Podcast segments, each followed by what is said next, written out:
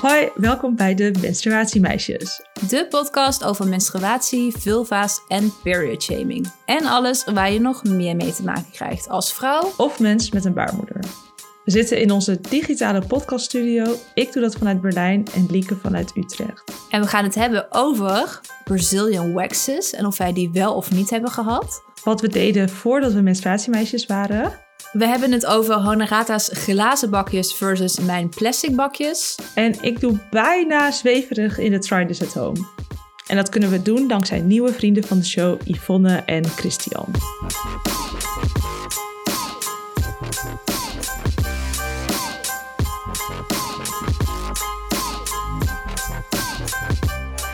We gaan zo meteen helemaal duurzaam doen, maar eerst onze echt of nep. En Lieke, het is jouw beurt. En het is heel spannend. Ja, en ik ben een beetje bang, want ik heb deze echt op de valreep voorbereid. En ik kon niks vinden. En het is ook niet helemaal menstruatie, maar wel vulva gerelateerd. nou, ik uh, ga... Waarom lach je zo? ja, deze disclaimer. Ik ben helemaal klaar voor. Ja, ik uh, ga hem voorlezen. Is het echt of nep? In 1994 werd de eerste Brazilian wax gedaan. Wanneer? Nee, vrij cruciaal detail. Ja. 1994. Ja, is geen menstruatie, uh, echt of nep. Jij sleept gewoon die hele vulva erbij. Ja, ik dacht vulva vind ik ook nog wel. Vulva, menstruatie, same thing. Eén pot nat. Ja, uh, maar ik doe wel uh, sportief mee hoor. Um, nep. Yes. Oh no. Oh my god, ik sta weer voor. Met deze vulva feit. Ja, um, het is gewoon echt. Ik kan er nog niet heel veel over vertellen. Maar ik toen was het, maar in de zin van, ik dacht dat het eerder zou zijn dan 94. Ja. Mag jij nu toelichten wat je hier ja? nog bij wilt toelichten? Nou, heel weinig eigenlijk. Dus een beetje saai. Ik heb het geleerd tijdens de kutquiz. Um, daar had ik het vorige aflevering al over. Uh, en grappig detail is nog, want jij dacht ook eerder, wij hadden het echt helemaal op het begin gezet. Dus echt zo in 18 nog wat. Want wij dachten, ja, dat is oh, geen... Ja, vind, dat, vind, dat vind ik wel extreem. Echt zo nou, in de middeleeuwen. Maar... Middeleeuwen?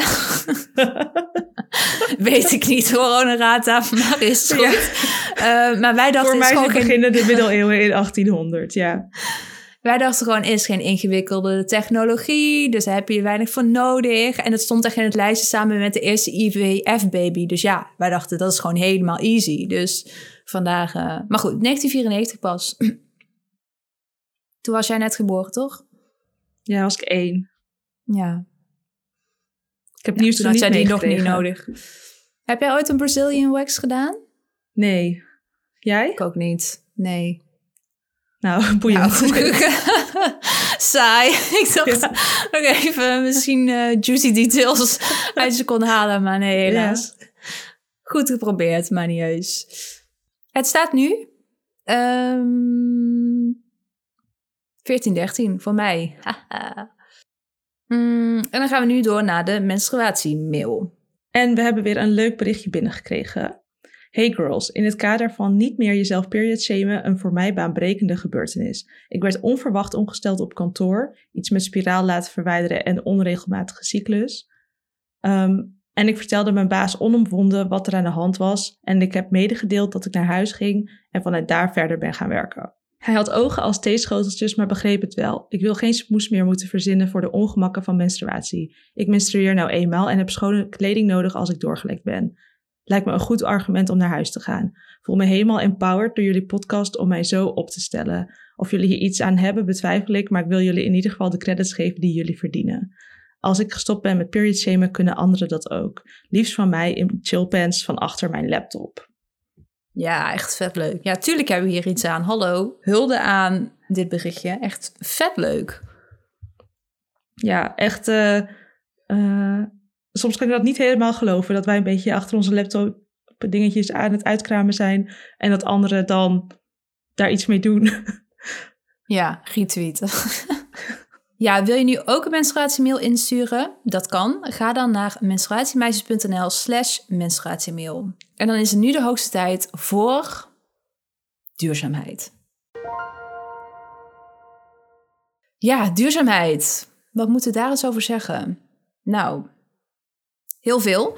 Daarom maken we er meteen een tweeluik van. We hebben het heel lang niet besproken, omdat het zo'n groot thema is. Maar nu gaan we ons er eindelijk aan wagen.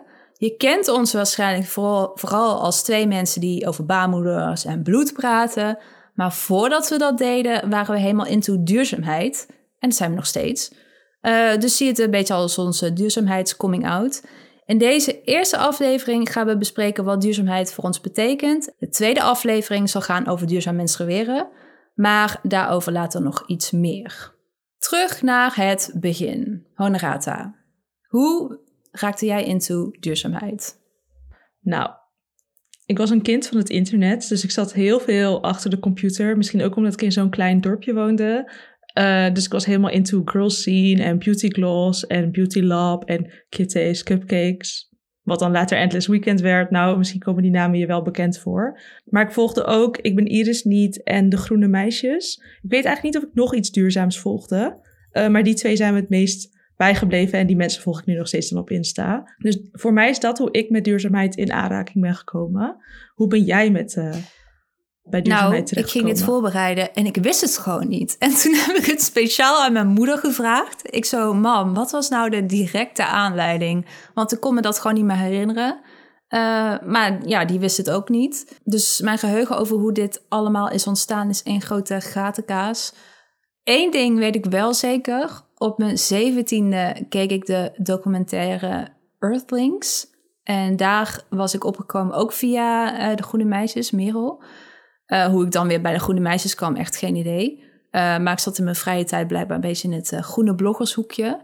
En de dag daarna ging ik meteen vegetarisch eten. Dit is overigens geen aflevering over vega zijn of zo. Maar doordat ik vegan ging eten, kwam ik ook heel veel in aanmerking met duurzaamheid. Omdat daar ook een link tussen zit. En dat vond ik eigenlijk wel interessant. En toen ging ik me daar gewoon in verdiepen. Veel over gelezen ook. Ik heb nog even teruggescrollt in mijn Goodreads en de eerste boek over duurzaamheid, die heb ik echt, ja, toen was ik echt 18, dus die heb ik al heel vroeg gelezen. Ja, en toen is het balletje denk ik gaan rollen. Dus zo een beetje. En wel cute dat je het aan je moeder hebt gevraagd. Ja, dedication hè. Maar heb jij je Earthlings gezien? Of course, Lieke. Oké, genieten. Ja, dat was echt leuk hè. Oké, dus je was into duurzaamheid. En toen, wat ging je doen? Ja, toen begon ik eigenlijk met vooral duurzame dingen kopen. Het meest duurzame wat ik deed en nog steeds doe is geen vlees eten. Ik raakte ook geïnteresseerd in tweedehands kleding. Uh, of kleding door duurzame bedrijven. Die waren wel een beetje duur voor mij als 18-jarige, maar goed. Student. um, ik was niet zo van geen plastic of zero waste. Dat was niet echt mijn gebied. Wel weer van de herbruikbare verpakkingen en zo, op die manier. Maar bovenal denk ik gewoon minder spullen. Uh, ik had de docu, ja, sowieso docu, do, docu's. En boeken zijn gewoon de draad door uh, alles wat ik tot me heb genomen, zeg maar. Maar ik had de docu Minimalism gekeken en toen had ik echt even een extreme minimalistische tijd en heb ik zoveel troep. alles, alles weggedaan. Alle troep. Je op de grond. Ja, het huis uitgegooid dat mijn ouders ook met hun neus erboven gingen hangen van zou je dat echt wel wegdoen? Maar dat heb ik toen allemaal Dingen weer terugpakken? Ja, bijna wel, maar ik had wel doorgezet op zich. En ik heb nog steeds weinig spullen, uh, denk ik. En ja, niet kopen is natuurlijk altijd het duurzaamste wat je kan doen uh, als consument. Uh, en tegenwoordig, maar nu maak ik wel even een heel groot bruggetje of een heel grote uh, stap in de tijd. tegenwoordig doe ik meer investeringen. Dus dat geldt sowieso voor kleding, maar ook voor spullen. En toen ik hierheen verhuisde, toen moest ik een nieuw dekbed kopen. Nou, dat was me toch een challenge. Uh, twee persoons dekbed, dat, die afmeting had ik niet. En ik wilde niet dat het van Veren of Dons was. En toen heb ik een bamboe dekbed gekocht. Nou, dat is echt takken duur, kan ik je vertellen. Maar mijn punt is, ik doe echt zo duurzame investeringen. En dan doe ik er heel lang mee. Dus ja. um, dat. En bij jou? Uh, ik denk als gevolg van die groene blogs lezen, ging ik helemaal los. Ik uh, was helemaal into uh, herbruikbare producten. Dus bijvoorbeeld gebruikte ik bijenwasdoek in plaats van aluminiumfolie. En van die houdbaarheidsbakjes in plaats van boterhamzakjes. En een dopper. Ik was in mijn klas op HBO een van de eerste drie mensen met een dopper. Dat was toen nog heel. Ja, en dan vroegen yeah. mensen ook echt, waarom heb je dat? En ik zei, ja, je kan het uit elkaar halen en dan kan je het van binnen afwassen. En als je steeds flesje water op school koopt, dan bespaar je al heb je het er binnen no time uit. Want toen was een dopper dus echt zoiets heel duur. Zo van, van 10 euro, ik rond het even af voor een waterfles. Mm. Dat, dat, ik denk dat iedereen nu wel weet hoeveel een dopper kost. Maar toen was het wel echt zo van, ja maar hallo, je kan echt voor 30 cent een flesje kopen bij de supermarkt. Ik ging ook mijn eigen brood bakken. Ik ging zelf hummus maken. En niet vanuit zero waste, maar wel vanuit low waste. De overtuiging dat het minder eh, vervuilend was en het was ook goedkoper. Ik ging ook inderdaad, ik ging conspiracy. Conspiracy, nee. Ik ging Cowspiracy Ja. kijken en toen werd ik vegetariër. Ik was ook al in mijn jeugd, heb, ik- had ik een keer een gesprek met mijn zus. Oh ja, oh, vlees? Oh ja, best wel eh, raar. ik probeerde het heel subtiel te doen. Maar toen kwamen we dus tot de conclusie dat we geen vlees meer wilden eten. Ook echt tijdens een zeilvakantie. Mijn ouders waren echt niet super blij, volgens mij. Ehm, maar daar ben ik dan op een gegeven moment weer mee gestopt. Dat vond ik best moeilijk als jong persoon om dat vol te houden. En ik was heel erg fan, fan. Ik was heel erg fan van de Minimalists podcast. Dat is ook de eerste podcast die ik luisterde. Ik was echt hardcore. Ik steunde hun zelfs op Patreon en zo. Oh my om god. meer podcasts te krijgen. En het is echt jaren geleden. Dit is pre Netflix, docu, al dat, zeg maar. En dat was voor mij ook een vorm van duurzaamheid. Om inderdaad weinig te kopen, weinig te hebben, bewust te kopen. En ik moet zeggen, ik herinner me ook opeens dat, dat driehoekige plaatje van reu- refuse, reuse, eh, share, buy. Dat is zo'n plaatje van probeer wat het minste impact heeft. Is een piramide. En dan Mm. en, en dat, dat hanteerde ik ook best wel streng van...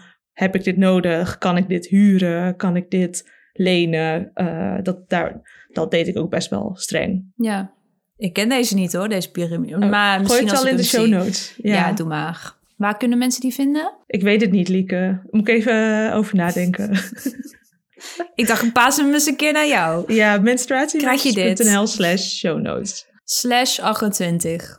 Ja, maar ik laat dus heel vaak het cijfer weg, want dan kom je gewoon heel mooi op de overzichtspagina. En dan is de pro-tip is dus dat je slash het cijfer van de aflevering kan doen. Oké. Snap je? Nou, fair enough. Ja, is goed hoor. Dus eh, we doen even direct de gewone tip en de pro-tip. Ja. Ik denk dat de volgende stap in ons duurzaam wezen was... is dat we allebei bij een duurzaam bedrijf gingen werken. Of na een stage lopen. Ja, ik had al een keer stage gelopen in Berlijn bij een tech-slash-influencer bedrijf. Maar Mhm. toen moest ik weer een, toen moest ik een afstudeerplek vinden. En het zat me eigenlijk niet zo lekker, want in mijn dagelijks leven was ik helemaal into duurzaamheid en deed echt heel erg mijn best. En vervolgens had ik dus stage gelopen bij een bedrijf dat gefocust is op consumptie, dus dat mensen dingen kopen. Dus ik wilde heel graag een duurzame afstudeerplek. En dan, ik dacht ook, ja, dan, kan ik, dan kom ik ook veel makkelijker binnen, want dan is er veel meer match en klik. En toen heb ik echt zo alle duurzame bedrijven aangeschreven. Alle is overdreven, maar wel een heleboel. en in mijn geval betekende dat dat ik uitkwam bij Paper on the Rocks. Maar ik paas hem dan nu gewoon weer even terug naar jou. Ja, ik kwam uiteindelijk ook uit bij Paper on the Rocks. Maar ik begon... Mijn eerste stage was bij bol.com. En dat vond ik echt fantastisch, zeg maar, in ons vakgebied. Eh, dus we hebben allebei een communicatie slash marketing achtergrond. Met die achtergrond is, dat, is bol.com echt fantastisch, zeg maar. Die wint ook de ene na de andere prijs. En nou, daar leer je wel echt het vak. Dus toen was er niet zoveel aan de hand. Maar in het twee jaar ehm, leidend naar mijn afstudeerstage... heb ik echt de grootste switch ever gemaakt. Want ik dacht wel van, ja, nog steeds leuk. Maar het komt wel gewoon neer op het verkopen van elektrische tandenborstels, bijvoorbeeld. En dat wilde ik Daar had je geen meer. passie voor het verkopen Daar van had ik elektrische... net geen passie voor. Nee, en ik wilde tenminste stage lopen bij een bedrijf dat dan duurzame producten verkocht. duurzame elektrische tandenborstels. Had gekund. is het niet geworden. Ehm, maar dat wilde ik omdat ik destijds dus echt de duurzame consument aan het uithangen was. Ja, en daar ben ik eh, jou toen tegen blijven lopen. Toen waren, zaten we allebei eh, bij Paper on Rocks. Moeten we nog even vertellen wat het doet? Het is echt Ja, zo... het je net Paper on the. Rocks. Ja, Paper on the Rocks maakt eh, notitieboeken van steenpapier. eh, en, dat is, en ook eh, papier van landbouwafval overigens. En dat is nou, super innovatief, maar ook heel duurzaam. Dus daar liepen wij stage. En ik was nog benieuwd, Annegata. Wat was jouw duurzaam indruk van mij? Toen? Ja, want ik heb wel echt nog een hele goede duurzame herinnering aan jou. Ik weet alleen wel dat ik was toen vega en jij was vegan en mijn zus was ook vegan. En toen... Ja. En ik wilde vegan zijn, maar ik had daar gewoon meer moeite mee dan jullie bijvoorbeeld, denk ik. Ik denk dat jullie die stap allebei best wel vlot hebben gemaakt. Ik had daar echt maanden voor nodig. En daar schaam ik me niet voor, dat was gewoon zo. Ehm, Mhm. Dus jij was wel samen met mijn zus heel erg in your face van... je kunt vegan zijn.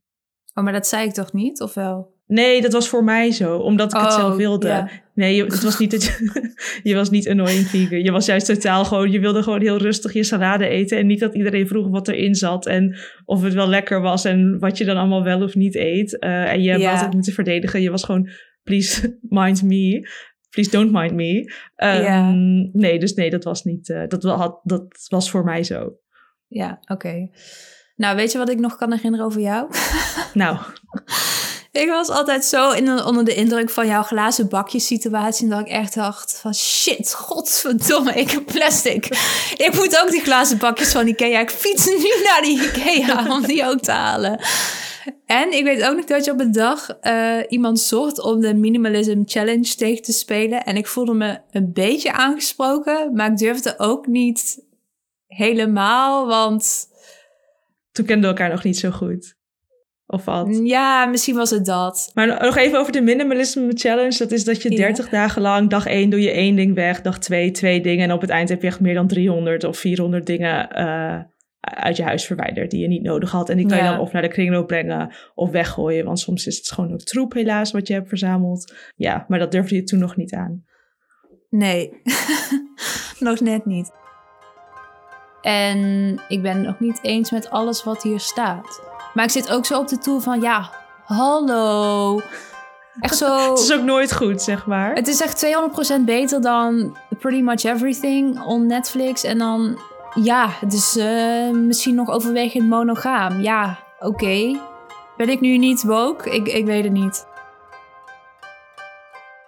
Dit is een klein stukje uit de bonusaflevering van vandaag, waarin we onder andere mijn menstruatievriendelijke wc-issues bespreken en femicide.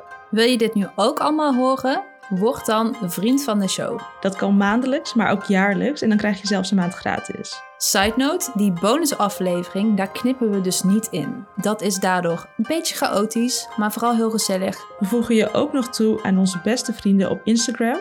En dat allemaal voor maar 2 euro per maand. Via vriendvandeshow.nl slash menstruatiemeisjes. Nou Lieke, de afgelopen jaren verduurzaamde ik me helemaal de moeder. Ehm, Zo, oké. ja, sorry.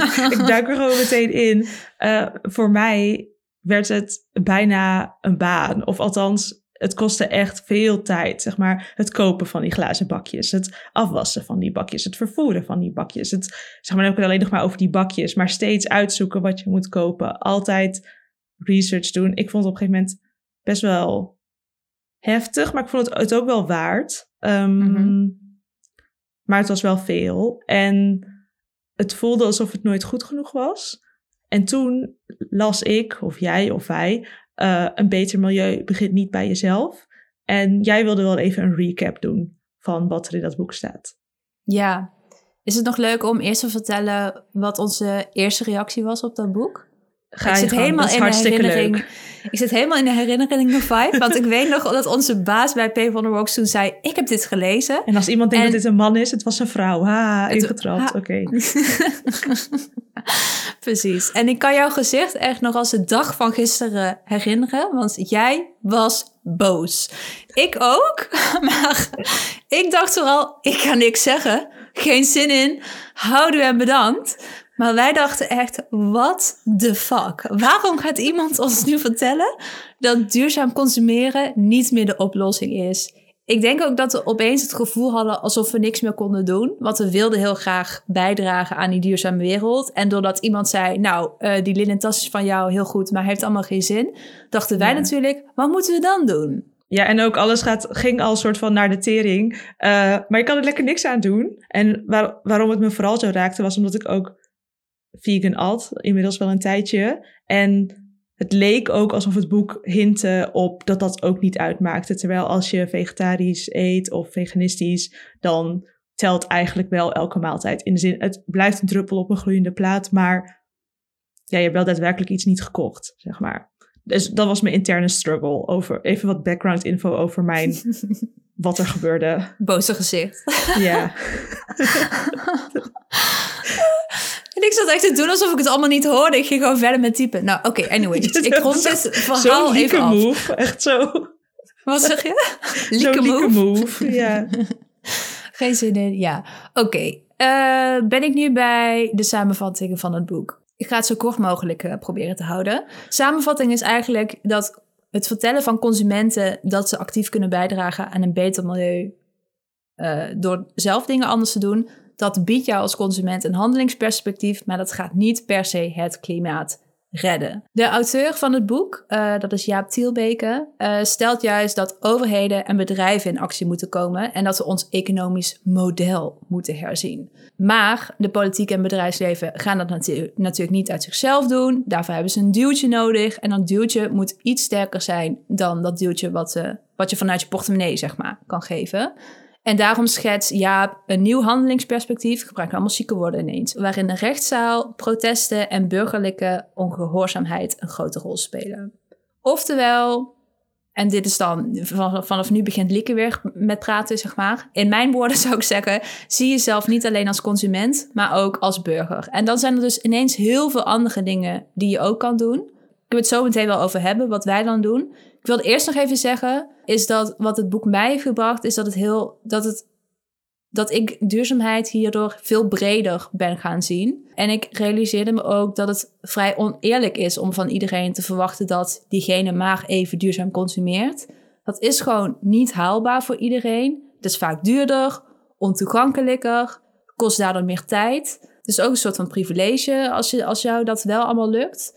En Pak de Macht, eh is een programma van Tim Hofman, heeft er ook een hele goede aflevering over gemaakt. De aflevering over plastic. En daarin laten ze zien hoe onhaalbaar het is om als consument plasticvrij te consumeren. Want dan sta je daar in de Albert Heijn en dan wil je een plasticvrije paprika. Nou, ze bestaan gewoon niet. Eh, maar als duurzame consument word je daar dus wel op aangekeken, maar als Albert Heijn niet. Dus dat is nog een kijktip. Oké, en toen gingen we onszelf dus meer als burger zien en niet meer alleen als consument. Eh, wat betekende dat voor jou? Ehm, ik denk het eerste wat ik heb gedaan is geswitcht van bank. ik ging namelijk van Rabobank naar Triodos. eh, geïnspireerd door Lisa Stel van Lisa Goes Vegan. Want die had daar een heel goed eh, blogartikel over geschreven. Ehm, en even side note. Maar mijn familie is echt hardcore Rabobank fan. Mijn zeg familie maar. ook. De half, mijn halve Oké, familie niet hardcore bij- fan, sorry. Ik ging veel te snel. Ze zitten bij de Rabobank. Vertel verder. Oh ja, nou, mijn familie zit sowieso bij de Rabobank, maar een deel van mijn familie werkt daar ook. Dus het was nogal een rebelse actie in mijn familie. Maar ik ben dus geswitcht, omdat ik het niet wil dat mijn geld bijvoorbeeld naar onduurzame dingen gaat of wordt geïnvesteerd daarin. Ik ben groen gaan stemmen, maar dat deed ik altijd wel. Maar dat zag ik meer als onderdeel van duurzame burger, eh, burgerschap. Eh, Ik ben ook mede-eiser geworden in een klimaatzaak tegen Shell. Eh meegalopen tijdens klimaatmarsen. Nou, vast nog andere dingen, maar dit is even waar ik aan denk. Ja, de dingen die ik ben gaan doen. Bij jou? Ik ben heel veel dingen blijven doen die ik in het begin deed. Maar aangezien bijvoorbeeld ook PMDD een steeds grotere rol in mijn leven speelde, kon ik dat ook niet meer allemaal doen. En nu ben ik gewoon iets minder streng voor mezelf. En ik denk wat voor mij, wat ik uit het boek haalde, is dat je kunt je energie, je, kan- je kunt niet alleen je geld maar één keer besteden, maar ook je energie en je tijd. En wat is nuttiger dat ik hier helemaal zero waste ga leven, vegan, alles duurzaam hier in Berlijn. En dat ik dan bijvoorbeeld deze podcast niet meer kan maken. Wat bijvoorbeeld ook activisme, wat als je kijkt naar duurzaamheid als een intersectioneel iets, dan ja, het een gaat af van het onder. Lieke, ben ik te vaag? Nee, is niet te vaag. Oké, ik denk dat het ook dat ik het vaag vind, is ook een beetje hoe erg dit een. eh, je blijft hiermee bezig. Het is niet dat onze visie van duurzaamheid dat we die nu vastzetten voor tien jaar. Dit is iets wat waarin we gaan blijven leren, dingen gaan blijven uitzoeken, eh, waar we in gaan groeien. Dingen waarvan we nu denken dat, dat het duurzaam is, blijkt straks misschien helemaal niet zo te zijn. Of misschien kan het nog wel veel duurzamer. Ja, en ik zie mezelf, ik zie mezelf dus als mens. Eh, ik zie mezelf als een mens dat niet alles perfect kan doen. Maar en als burger. En ik probeer eigenlijk het woord consument niet meer te gebruiken. Voor mezelf in ieder geval niet. Nou, mooi. Ik heb nog even iets super concreets, want uh, daar ben ik altijd wel voor, voor te porren. Ik dacht, ben je nu nieuw into duurzaamheid en wil je er meer over weten? Ik heb dus heel veel gezien en gelezen over duurzaamheid en het heeft mij heel geholpen om het belangrijk te vinden. Uh, we're all human. En als mijn moeder me dit zou vertellen, zou ik het misschien niet aannemen. Maar door het kijken van die docu docu's en het lezen van die boeken, dacht ik echt, oh ja, oh my god. Dus ga even mijn ultieme favs met je delen. Ik ga ze gewoon heel snel oplezen en uh, zie de show notes en zo. Uh, mocht je ze ook willen zien of lezen. In de categorie documentaires vond ik uh, belangrijk Chasing Coral, Cowspiracy, Minimalism en The True Cost. En in de categorie boeken heeft mij heel erg geholpen. Hoe gaan we dit uitleggen? De, de verborgen impact. What we think about when we try not to think about global warming. En mocht, het, mocht de romans helemaal je ding zijn, lees dan even het tegenovergestelde van de mens. En als ik nog iets verzin, dan zet ik het erbij. Ik ook, want er zijn er vast meer. Maar dit, okay. dit was top of mind. Dan, uh, dan weten yeah. jullie dat.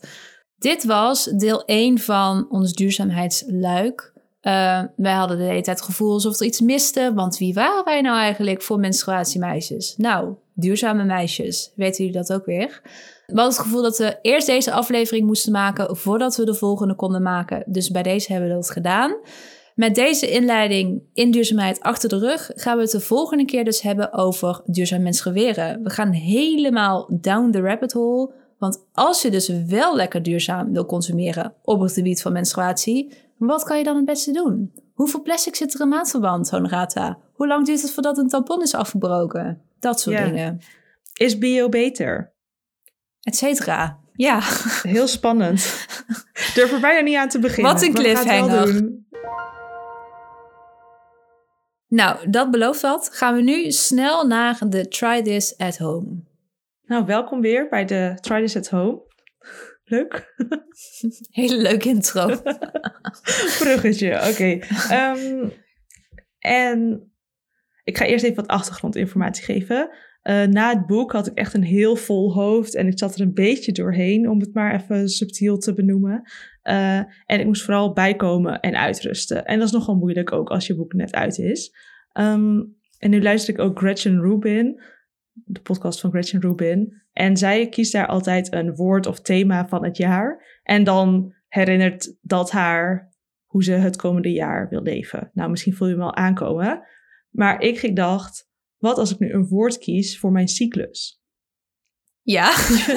je, je, je, hangt aan mijn lippen. Ik ga gewoon door. Ja. Oké, uh, en ik koos het woord uh, opladen. Ik dacht later, ik kan het ook in het Engels doen charge. Want als het charge was, dan was het dus dat ik mezelf moest opladen. Maar ook take charge. Dus dat ik daardoor juist weer meer controle uh, heb. En ik ben ook gewoon zelf verantwoordelijk voor mijn eigen gezondheid. Dus de try this at home van deze keer is: kies een woordthema voor je cyclus. Ja, ga meteen nee? nadenken. Ik, ik uh, heb er nog geen direct. Ja, Nee, maar dat moet je ook misschien even over nadenken van... Kijk, want we leven toch altijd in de jaren en kwartalen en maanden. Maar als je een baarmoeder hebt en je menstrueert... Mm dan heb je nog iets, namelijk een cyclus. En nou, daar horen bepaalde seizoenen bij, zoals je misschien wel weet. En is het ook best wel logisch om voor je cyclus een thema te kiezen, een themawoord. En je kunt het ook intentie noemen. Um, maar voor mij is dat een beetje te zweverig woord. Misschien voor jou als luisteraar niet. Maar Lieke, voor jou is dat volgens mij ook een te zweverig woord, intentie. Of niet? Uh, ja, nee, absoluut. Zet een intentie ik, voor je cyclus. Dat maar ik heb nog een vraag niet zo snel over... Doen. Ik heb nog een vraagje over, want ik snap niet helemaal. Ga je elke cyclus een nieuw woord kiezen? Of ja, je hebt... maar je moet niet oh. elke cyclus... Je, je moet, Honorata geeft geen huiswerk. Je moet vanaf nu elke cyclus een woord kiezen, maar het kan. Ja, oké. Nou, hou ons op de hoogte. Zal ik doen. En dan gaan we nu naar de Gouden Cup. Want elke aflevering reiken we de Gouden Cup uit. En deze keer gaat hij naar Yara Dixon. Want zij is finalist in de strijd om de titel Geneeskundestudent van het jaar. Nou, vind ik wel fancy. En zij heeft onderzoek gedaan naar hevig menstrueel bloedverlies. En daar heeft ze een symptoomchecker voor gemaakt. En ook nog vertaald in het Engels, Turks en Arabisch. En dan heeft ze ook nog iets voor menstruatiearmoede gedaan. Het kan niet op met haar. Ja, Maar die symptoomchecker, we need that stuff. Dus uh, ja, belangrijk. En fijn dat, uh, dat mensen genomineerd worden die iets voor menstruatie doen. Ja, en dat, ja, inderdaad. Dubbele Gouden Cup. Ja, Gouden Cup naar de jury. Joejoe. Zeg jij een keer als eerste, want ik zeg altijd bedankt voor het luisteren, vraagteken. En dan jij zo, bedankt voor het luisteren. Ik heb de vorige aflevering als eerste gezegd. Hallo. Ja, oké. oké. Nou, dan ja. uh, bedankt voor het luisteren. Bedankt voor het luisteren. De volgende aflevering, surprise, surprise, gaat dus over duurzaamheid. En dan specifiek over hoe je duurzaam kan menstrueren. Ja, wil je die niet missen? Volg ons dan even op Spotify en op Instagram. En ben je ook helemaal klaar met period shaming? Tip dan onze podcast aan iemand. Of tik even die vijf sterren aan in je podcast-app. Uh, want daar worden we heel blij van. En dat is de beste manier om meer mensen deze podcast te laten ontdekken. Doei! Doei!